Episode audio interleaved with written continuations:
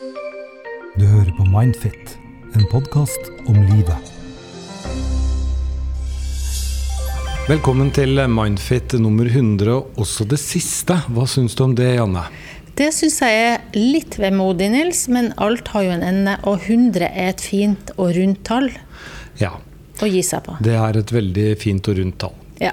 Vi har også besøk av hun som sjelden dukker opp, nemlig din søster Hilde. Ja. Hun sitter nå musestille på enden av bordet og skal lese opp noen uh, ting eh, mot slutten av sendingen. Ja. Ja, hun er flink til å være stille, det skal hun ha. ja, ja, hun klarer seg bra i dag, Ja, så langt. Så langt. Og så er vel kanskje det aller viktigste Vi har en litt spesiell episode i dag. Vi, vi, har, ikke noe, vi har ikke noe spørsmål Nei. som kommer fra, fra lyttere. Vi har rett og slett en gjest. Hei sann, Ann-Elen. Hei! Åssen har du det i dag? Du, i dag er en ok dag. En helt passe dag. Hvor er du fra? Eh, du, jeg sier at jeg er fra Molde, men jeg har ikke dialekt. Nei, det har du.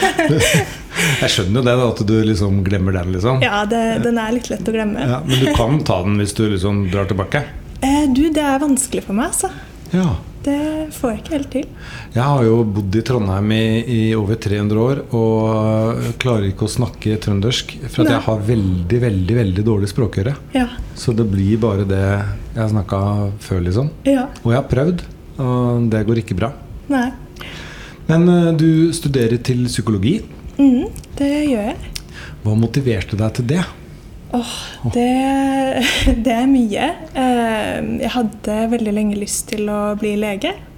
Eh, og så opplevde jeg å bli syk eh, med en kronisk sykdom. Og eh, det gjorde at jeg skjønte at det er ikke alt man kan fikse. Jeg tenkte at leger skulle fikse alt. Så jeg hadde lyst til å hjelpe folk å stå i det som er vanskelig. Da. Stå i de tinga som kanskje ikke går over. Og det er jo ME som du har. Mm. En uh, ganske usynlig lidelse som uh, det vel er vanskelig for uh, å forklare og, og vanskelig for andre å forstå at, du, at man lider av. Jeg ser jo veldig frisk ut. Ja, det skal vi si at du gjør. Det er litt, litt rar dialekt, men eh, utover det så ser du veldig frisk ut. Men eh, altså, jeg klarer jo selvfølgelig ikke å forestille meg Nå får jeg snart noen spark på skinnleggen på at eh, du skal ta over, og det skal du få lov til å gjøre. Men jeg klarer jo ikke å forestille meg hvordan det er. Eh, og, men jeg kan forestille meg det å ha en kronisk utmattende sykdom som du kjenner, men ingen andre der ute ser. Det er liksom Altså, det er vel lett å tenke sånn at du tror de at jeg bare jukser eller ljuger eller, eller sånne ting. At du, det blir litt sånn Ikke skam, men at man blir litt på alerten, nærmest, for å liksom Ja. Så det unner jeg egentlig ingen. Vet du, jeg, det slår meg, Nils, hvor klok du har blitt på 100 episoder. Ja. Ja. Dumt at du slutter nå, da. Ja. Nei, for det, det er et veldig godt poeng, og jeg tror skam faktisk er et stikkord når det gjelder eh, det jeg vil kalle usynlige sykdommer. Eh, og ME eh, er jo en sykdom som den svinger òg, og det, altså det er en stor bås, så det er ulik eh, funksjon Altså fungeringa er ulik for folk. Og det kan også svinge i forhold til dagsform. ikke sant? Sånn at, eh, og så er det jo ofte sånn da når folk har usynlig sykdom, at når de først skal ut, hvorfor skal de gå og se trist og, og utslitt ut? De må Ja. jo få lov å ha bra øyeblikk. Så det brenner jeg for. At alle som har sånne typer sykdommer, skal få lov å slippe den skammen. Så jeg syns det er så bra at vi har en gjest som skal snakke om det her. Eh, ME eh, er jo litt mystisk for mange, for det er jo en komplisert sykdom. Det har vært en del eh, diskusjoner rundt det. Eh, faglige uenigheter. Eh, men jeg har jo lyst til å si litt om, om hva det går ut på. Da. Eh, det er jo en type utmattelse og anstrengelsesutløst sykdom. Eh, Det betyr at ved anstrengelse, når jeg og du trener, sant, så kanskje vi er litt støl dagen etter. Eh, Men her er det sånn at både ved å bruke seg sjøl mentalt, sosialt og fysisk, så får en reaksjoner på det som kan sitte i mye, mye lenger. Så restitusjonstida er mye, mye lenger. Og det er også sånn at eh, reaksjonen på det trenger jo ikke komme der og da. Så derfor så kan det jo også se ut som Ja, men det gikk jo fint, hun kom seg liksom opp på det fjellet. Men dagen etter og dagen etter der, så må du betale for det du har brukt av energi. Da. Så det er et batteri som er litt mer sånn kronisk eh, dårligere lada, vil jeg si. Eh, ofte har det eh, Det er en slags sånn uforklarlig og vedvarende utmattelse. Eh, og det, en vet jo ikke helt om årsaken, da, men det må jo sies at eh, det lindres altså Kjernen er at, at du får ikke en lindring av hvile sånn som vi andre får. Mm. Eh, og det betyr også at de fleste altså kriterier Her i Norge bruker vi det som heter Canada-kriteriene. Det betyr at du minst skulle ha hatt det her i seks måneder.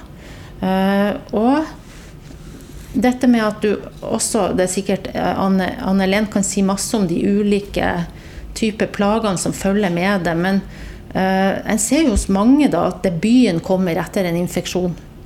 Uh, en lurer på sånn årsak. Er det en immunologisk reaksjon, eller er det en kronisk infeksjon? Vi vet ikke helt. Det er vanskelig å stille diagnosen. Det kan ligne på andre typer lidelser. Eh, det må ikke forveksles med depresjon. Depresjon, altså Er du deprimert, så er det klart at det å være i aktivitet, det, hjelper. det kan føles tungt i forkant, men det hjelper i etterkant. Eh, men siden det også kan forveksles, så kan en jo også oppleve, vil jeg tenke, en del eh, dårlige møter med hjelpeapparatet og helsevesenet. Når var det du fikk det? Jeg fikk det mot slutten av ungdomsskolen.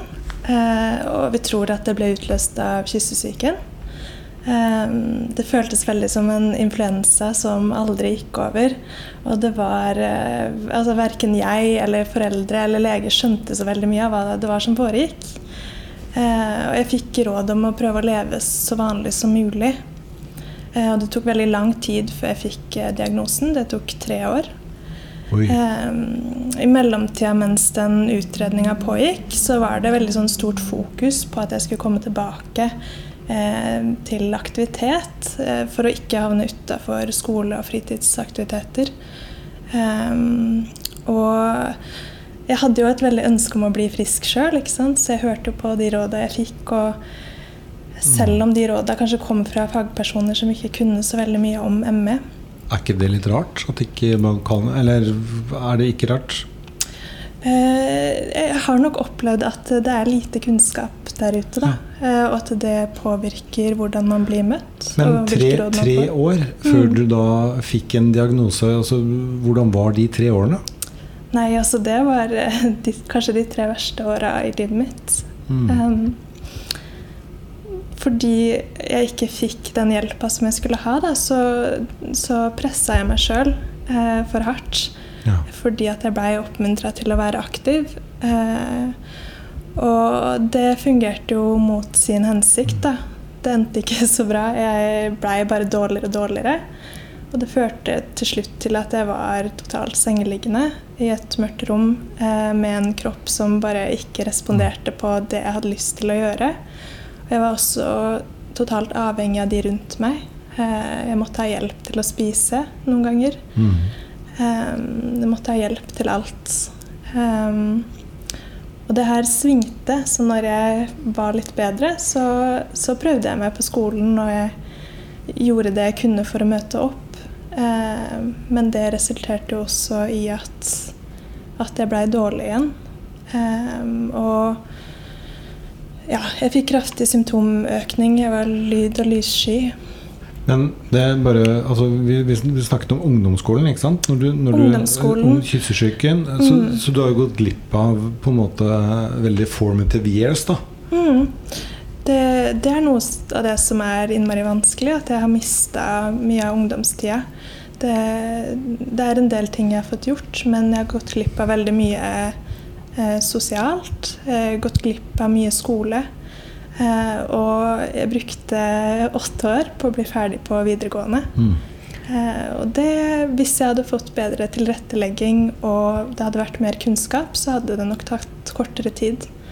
Men eh, ja. er det ikke Du må bare Jeg bare jeg vil si at jeg synes jeg er så imponert over deg, Anne Helen, som er så altså, stå, Bare gjennomfører det allikevel. Men her er et viktig poeng, ikke sant? Ting tar mye lengre tid enn det du ønsker i hodet ditt når du har fått en sånn type lidelse. Mm.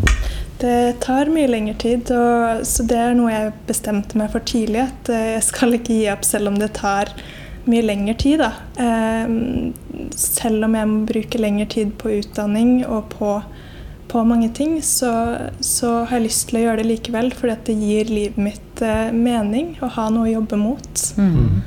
Men hvis livet var rettferdig, så burde jo egentlig du ha levd til du var 250, da. ja, det hadde vært fint å ja. fått igjen litt av de åra ja. som jeg visste. Men, men, når man er i Molde inne i et mørkt rom og, og er sengeliggende, mm. og, og, kroppen rett og slett ikke lystrer, den vil ikke gjøre det du vil at den skal gjøre mm. uh, Det må vel være en skremmende følelse? Altså Før man da har fått diagnosen, liksom, hva i all verden er det som skjer med meg? Mm. Det var, det var, skummelt, men jeg tror, jeg tror, nok at jeg ikke helt skjønte hvor alvorlig det var selv. Eh, jeg levde litt sånn fra dag til dag og prøvde å gjøre det beste ut av det. Og så tenkte jeg på en måte hele tida at det blir bedre i morgen. Eh, og jeg husker at jeg, jeg tenkte veldig mye at jeg blir frisk om en måned. Mm. Eller om et halvt år, eller om et år. Eh, så jeg satte sånne tidsfrister for meg sjøl eh, for å kanskje gjøre det litt lettere å stå i. Men, eh, men etter hvert så, så, Nå har det jo gått 13 år, og jeg lever fortsatt med, med ME, men en mye mer stabil form, da. Så ja.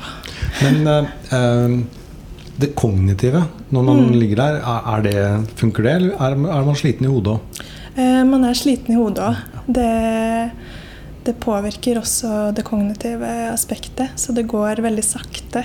Så det er noe jeg fortsatt merker, da, at det, det kan til tider gå innmari sakte.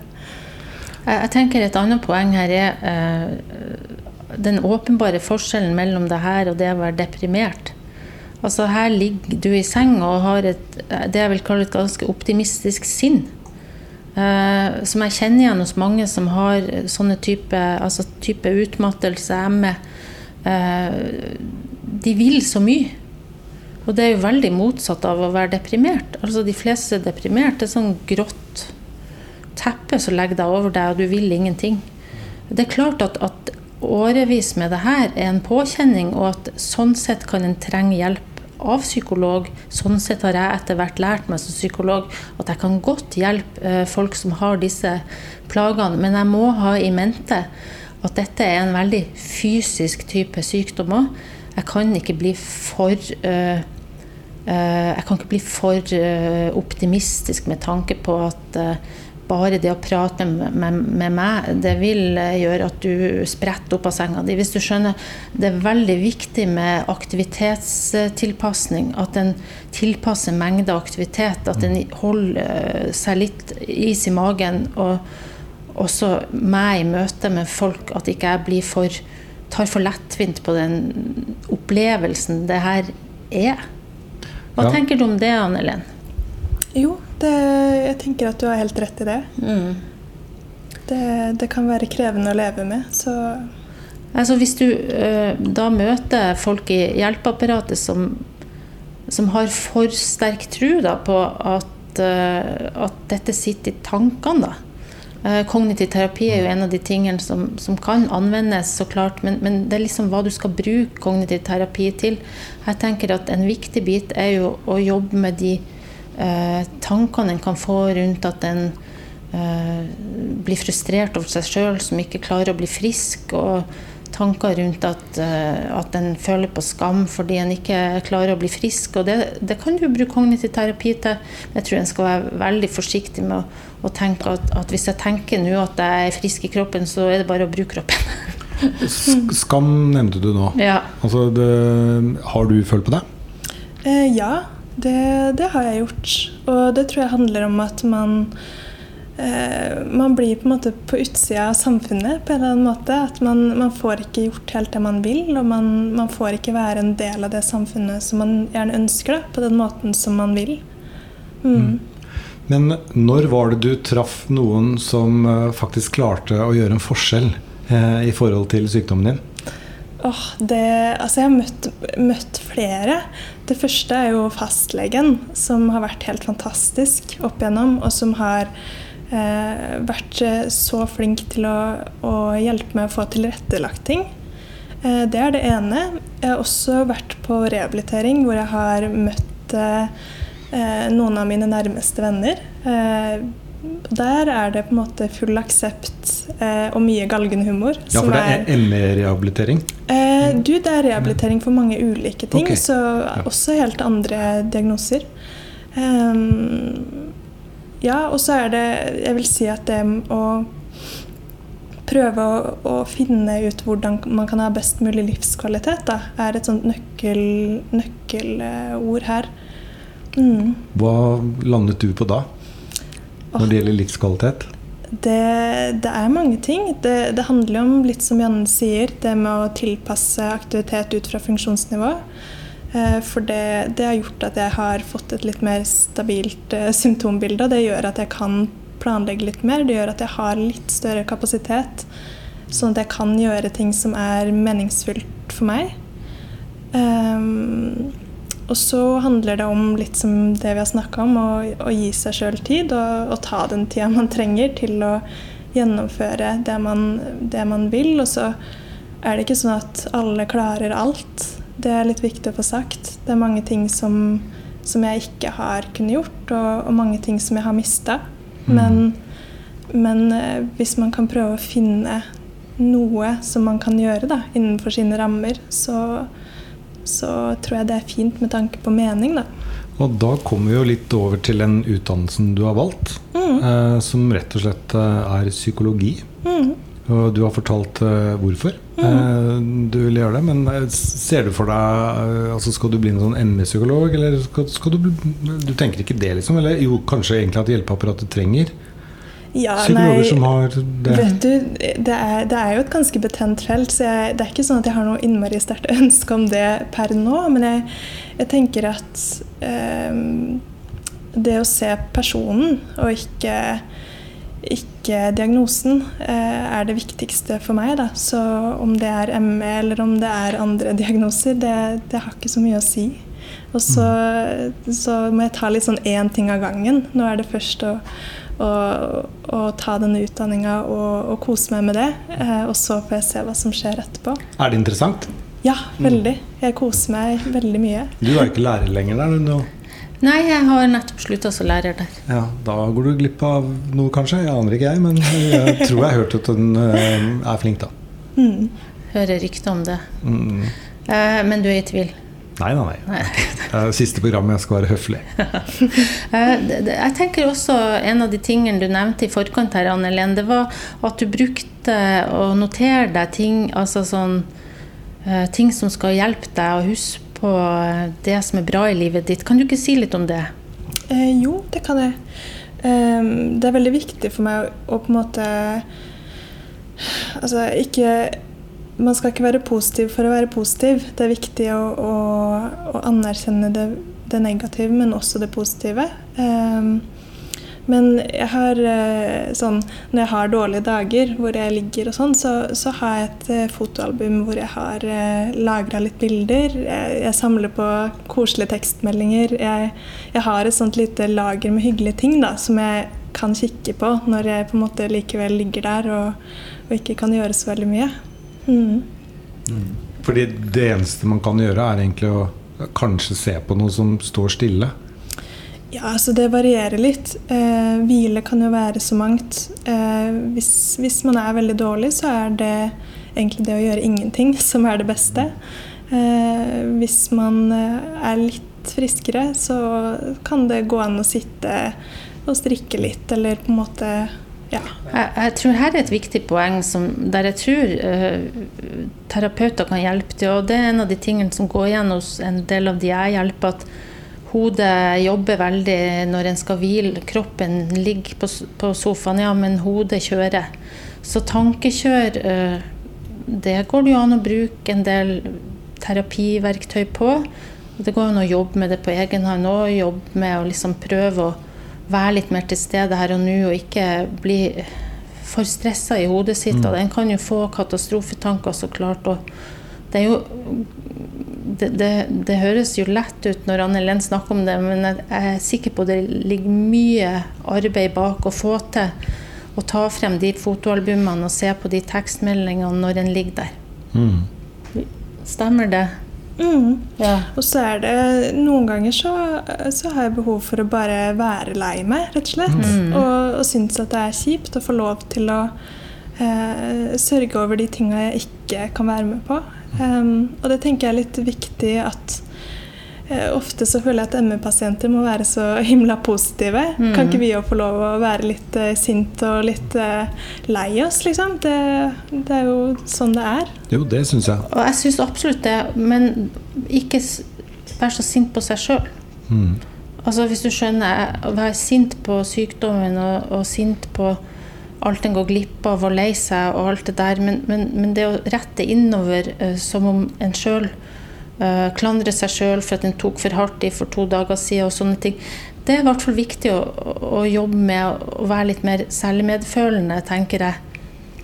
Ha et litt mindre kritisk blikk på seg sjøl når en ha, lever med en sånn sykdom over lang tid. Men det gjør du vel, siden du, du på stemmetesten så snakket vi om topptur. Så da bare gir du litt sånn blaffen og 'jeg skal opp der', og så får det som kommer etterpå, bare komme. Ja, det er litt sånn Det, det er viktig for meg å ikke bli altfor redd for Mm. sykdommen. Og, og i hvert fall nå som jeg har det funksjonsnivået som jeg har nå, så er det viktig for meg å, å noen ganger prioritere ting som som kanskje gjør at jeg blir dårligere, men som gjør at jeg, jeg opplever, Mm. ja, opplever lykke da, når jeg står der på toppen. Og, veldig godt poeng. og det, og det Jeg føler meg veldig privilegert, for det er veldig mange ME-pasienter som ikke kan det. Eh, men eh, når jeg først kan det, så er jeg veldig takknemlig for det. da. Jeg har et horisont Oi sann. Ja. Jeg, har, altså, jeg vet jo også Når vi er inne på det her med å notere positive ting og sånn, så er jo dette noe som er helt i hjertet av Mindfit, som jeg og søstera mi har laga. Og jeg vet jo du testa den litt ut, og en av de kommentarene vi får, er jo at det, det å liksom bruke tid på Altså at en får dvelt ved det som er bra.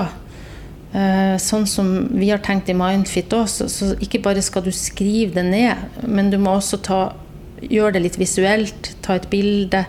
Tenk litt over hvilken type tanke du kan ha om deg sjøl som blir litt sånn positiv og støttende i forhold til det du har fått til. Er det noe som du tenker er innenfor, eh, kan være innafor for de som liker å bruke apper, da? Ja, det er, jo, det er jo helt supert at man har alt uh, samla på ett sted. Um, og så tror jeg det er Altså, det er lett med sånne selvhjelpsting at de blir litt sånn automatisk. Man tenker at man skal tenke positivt, og så, og så tar man litt for lett på det. Mens egentlig så er det en prosess som man må Man må på en måte tenke gjennom eh, hva er man takknemlig for. Eh, og ikke bare ta det første som dukker opp, men, men, men å dvele litt ved det. Og kjenne etter hva er det som egentlig betyr noe, da. Mm. Hva er det du gleder deg til eh, når du kommer videre i eh, studiet? Er, er det liksom eh, noen fagfelt som du liksom ah, Jeg gleder meg til jeg kommer dit, altså. Jeg tror det er eh, å få litt mer praksis. Nå, nå har jeg brukt en del år på, på teori, så det å få litt mer praksis, det tror jeg blir gull verdt. Ja. Når er det psykologistudenter har praksis igjen, da? Det, det har jeg glemt, men det, det vet, glemt vet Vet du, det vet du det? Ja, på fjerde året. Ok. Og da, da, hvor lenge er man i praksis da? Da, det er vel da man starter og, og, og får ha en pasient første gang. Ja. Eh, men så er det jo litt praksis før det òg, så jeg skal ha litt til høsten og litt neste vår. Studiemiljøet i Trondheim, da? Du, det er, eh, det er jo fantastisk, men nå, nå har det jo vært korona. Og, Ja. og så må jeg jo si at det å, det å være student med ME, det, det krever, og det går på bekostning av veldig mye. Så, Ja. um, og så er det ikke sånn at jeg studerer 100% heller. Det er litt viktig å få sagt. Ja. Ehm, men, men studiemiljøet er kjempebra, eh, og studiet er veldig bra. Eh, og så tar jeg det i mitt tempo. ja. Mm. Nei, det er kjempefint og utrolig hyggelig å besøke deg, Annelle. Mm, veldig fint å være her. Ja, du Takk kommer for- til å bli en veldig bra psykolog. Ja, det er vi enige i. Takk. Da, da er det din tur til å sitte og være mus- musestille. Ja, hvis ikke Er det noe du har lyst til å si før vi avslutter? Er det noe du brenner inne med nå, Anne Ellen? Nei, det er egentlig bare Det er mye jeg kunne sagt. eh, Men jeg får nok ikke sagt alt på en, på en kort podkast. Så ja. Men hvis, hvis det kan hjelpe noen, så Det er jeg helt sikker på det gjør. Ja, da er vi over på søstera di, da. Du har jo sittet her og vært veldig flink til å være veldig stille. Ja, jeg ble helt rørt av å høre historien her. Og så tenker jeg at det er så imponerende at du ikke har gitt opp, at du faktisk har hatt håp om at du skal klare det. det jeg, ble så, jeg er jeg er kjemperørt, faktisk. Ja, jeg vet ikke. Og det tenker jeg også er i forhold til Du kan ikke ta Nå blir det gråtefest her. Nei, men Jo, jo, men, men, men altså, historier rører. Mm. Det, og det er jo det er bra. Da har du jeg tror jeg mener. Vi klipper ikke her, for dette er veldig fint at en historie rører. Men vi kan jo egentlig snakke litt om, før vi kommer over på noen meldinger fra lytterne si eh, Føler du liksom at det er eh, trist, eller er det greit? Å avslutte podkasten. 100, ja. Jeg syns det er fint tall å avslutte på. Vi har vært gjennom så mange spørsmål. Nils, det kan være eh, Alt har en ende. Så- Mye angst. Det har vært mye angst, det har vært mye selvfølelse. Mm.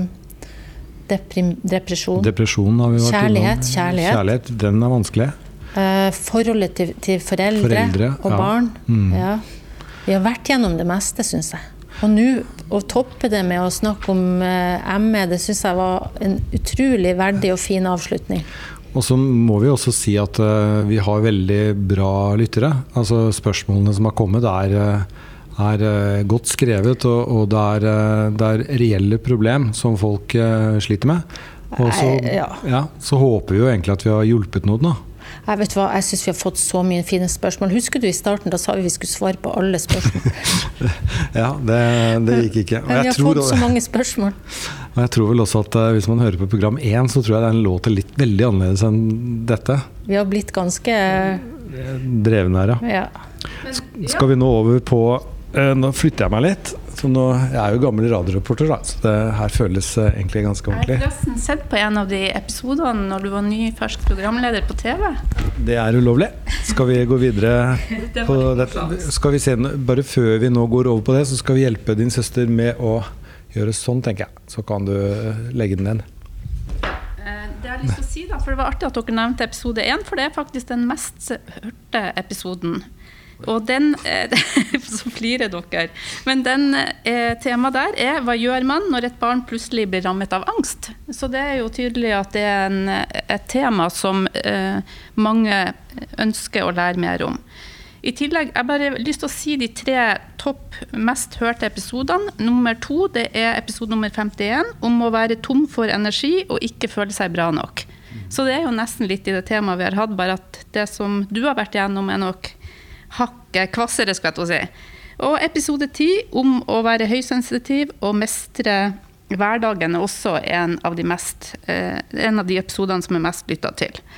Eh, vi har faktisk hatt over 150 550 000 lyttere totalt. Så det er veldig imponerende. Og de siste årene, i starten når vi begynte, så var vi jo litt sånn at vi ville teste konseptet.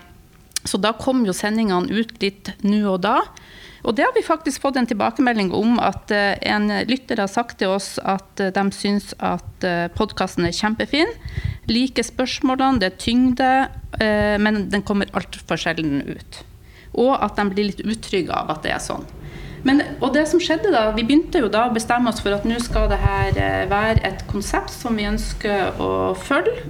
Og etter at vi begynte å gi det ut mer fast, så fikk vi 10 000 lyttere fast i måneden.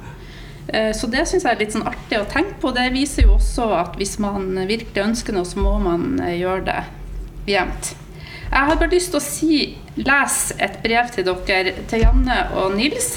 Eh, For dere har virkelig gjort en fantastisk innsats, og tilbakemeldingene er jo fra folk. Vi har fått tilbakemeldinger nesten på hvert eneste spørsmål. Og det er bl.a. at folk sier at de har hatt god hjelp. De finner mye trøst og læring. Det er lærerikt. Uh, ja. masse sånne tilbakemeldinger har vi fått. Men når dere nå forrige gang sa at dere skulle uh, slutte, så fikk vi en mail. Og jeg tar meg den frihet å lese det, for jeg skal ikke fortelle hvem som har sendt det. Og, jeg, og hun er jo da en fast lytter. Før du går der, for du er den eneste som vet hvem som faktisk har levert inn eh, spørsmål? Nei, jeg har ikke den, her, eh, den som jeg skal lese nå, vet jeg fordi at hun sendte en mail eh, personlig til Mindfit sin mailadresse. Men alle de andre spørsmålene vi har fått, har vært anonyme. For vi har hatt det på et anonymt skjema. Og det er jo en stor takk til alle lytterne også, fordi at de har jo vært med på å gjort podkasten veldig bra. Men Det er vel egentlig de vi skal takke. Jo, men må dere høre, det her syns jeg er veldig viktig. Hun skriver til oss skal dere virkelig legge ned podkasten? Dette var da mail til Janne og Nils. Nei og nei, så synd. Det er min favorittpodkast, og den har betydd så mye. Jeg tror ikke at jeg er den eneste.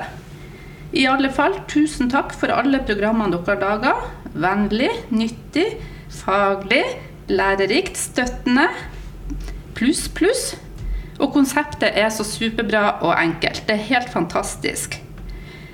Dere har vært så gode å høre på på alle måter. Ikke så skravlete som podkaster ofte er. Enda jeg syns dere har blitt litt mer skravlete på slutten her.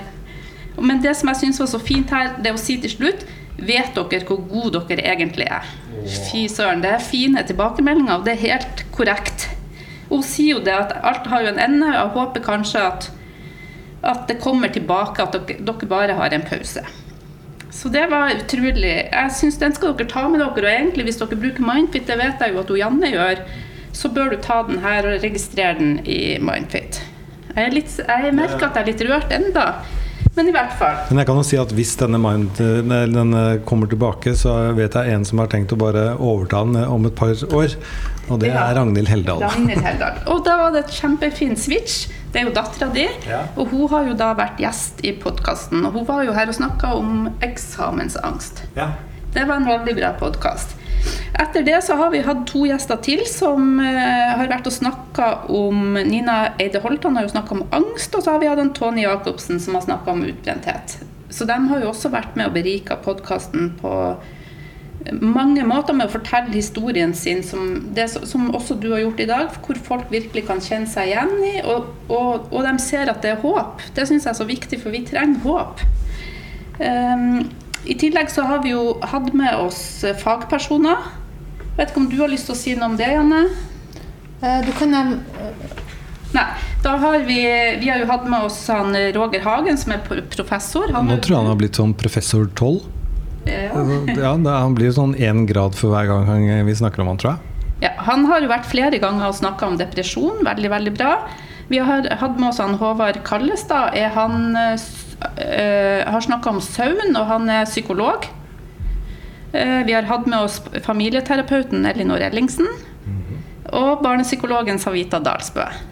Og så syns jeg det er artig å tenke på at eh, Jeg vet ikke om Janne kjenner seg igjen i alle spørsmålene, at det er ting som går igjen i hennes eh, eh, praksis da når hun har, tar imot pasienter. Men jeg tror vi har berørt nesten alle områdene og temaene som er i plagene i livene til folk. Som går på alt fra kjærlighet, angst, depresjon, selvfølelse Ja, you name it.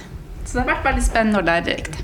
For meg òg, faktisk. Og jeg har vært med på mange podkaster, må jeg bare si. Jeg har vært der mange ganger. Du er vel den som har hørt eh, mest, tror jeg. Ja, det er det i hvert fall. Jeg har hørt alle. Mm. Nei, det er eh, kjempefint. Eh, og da nærmer vi oss rett og slett ved veis ende. Og da skal vi ikke gjøre det som innsenderen sa, skravle det bort. For hun eller han har helt rett i at de fleste podkaster er skravleprogram. Og eh, du har vel også litt rett i at vi begynner å bevege oss litt der, vi òg. Så hadde vi fortsatt nå, så hadde vi vært der. Men vi er der ikke nå. Men eh, det var veldig hyggelig, Anne. Du vil ikke si noe? Du kan ta mikken, ja. Den er oppe nå. Virker den nå? Ja, ja. Ok. Jeg måtte hvile armene litt, siden jeg må bruke den som en sånn utegående reporter. Ja, Nei, jeg vil takke deg, Nils. Eh, Jeg syns du har blitt klokere. ja det, Altså, med de, altså, du var klok fra før jeg var, men, men det har vært veldig artig å jobbe med deg.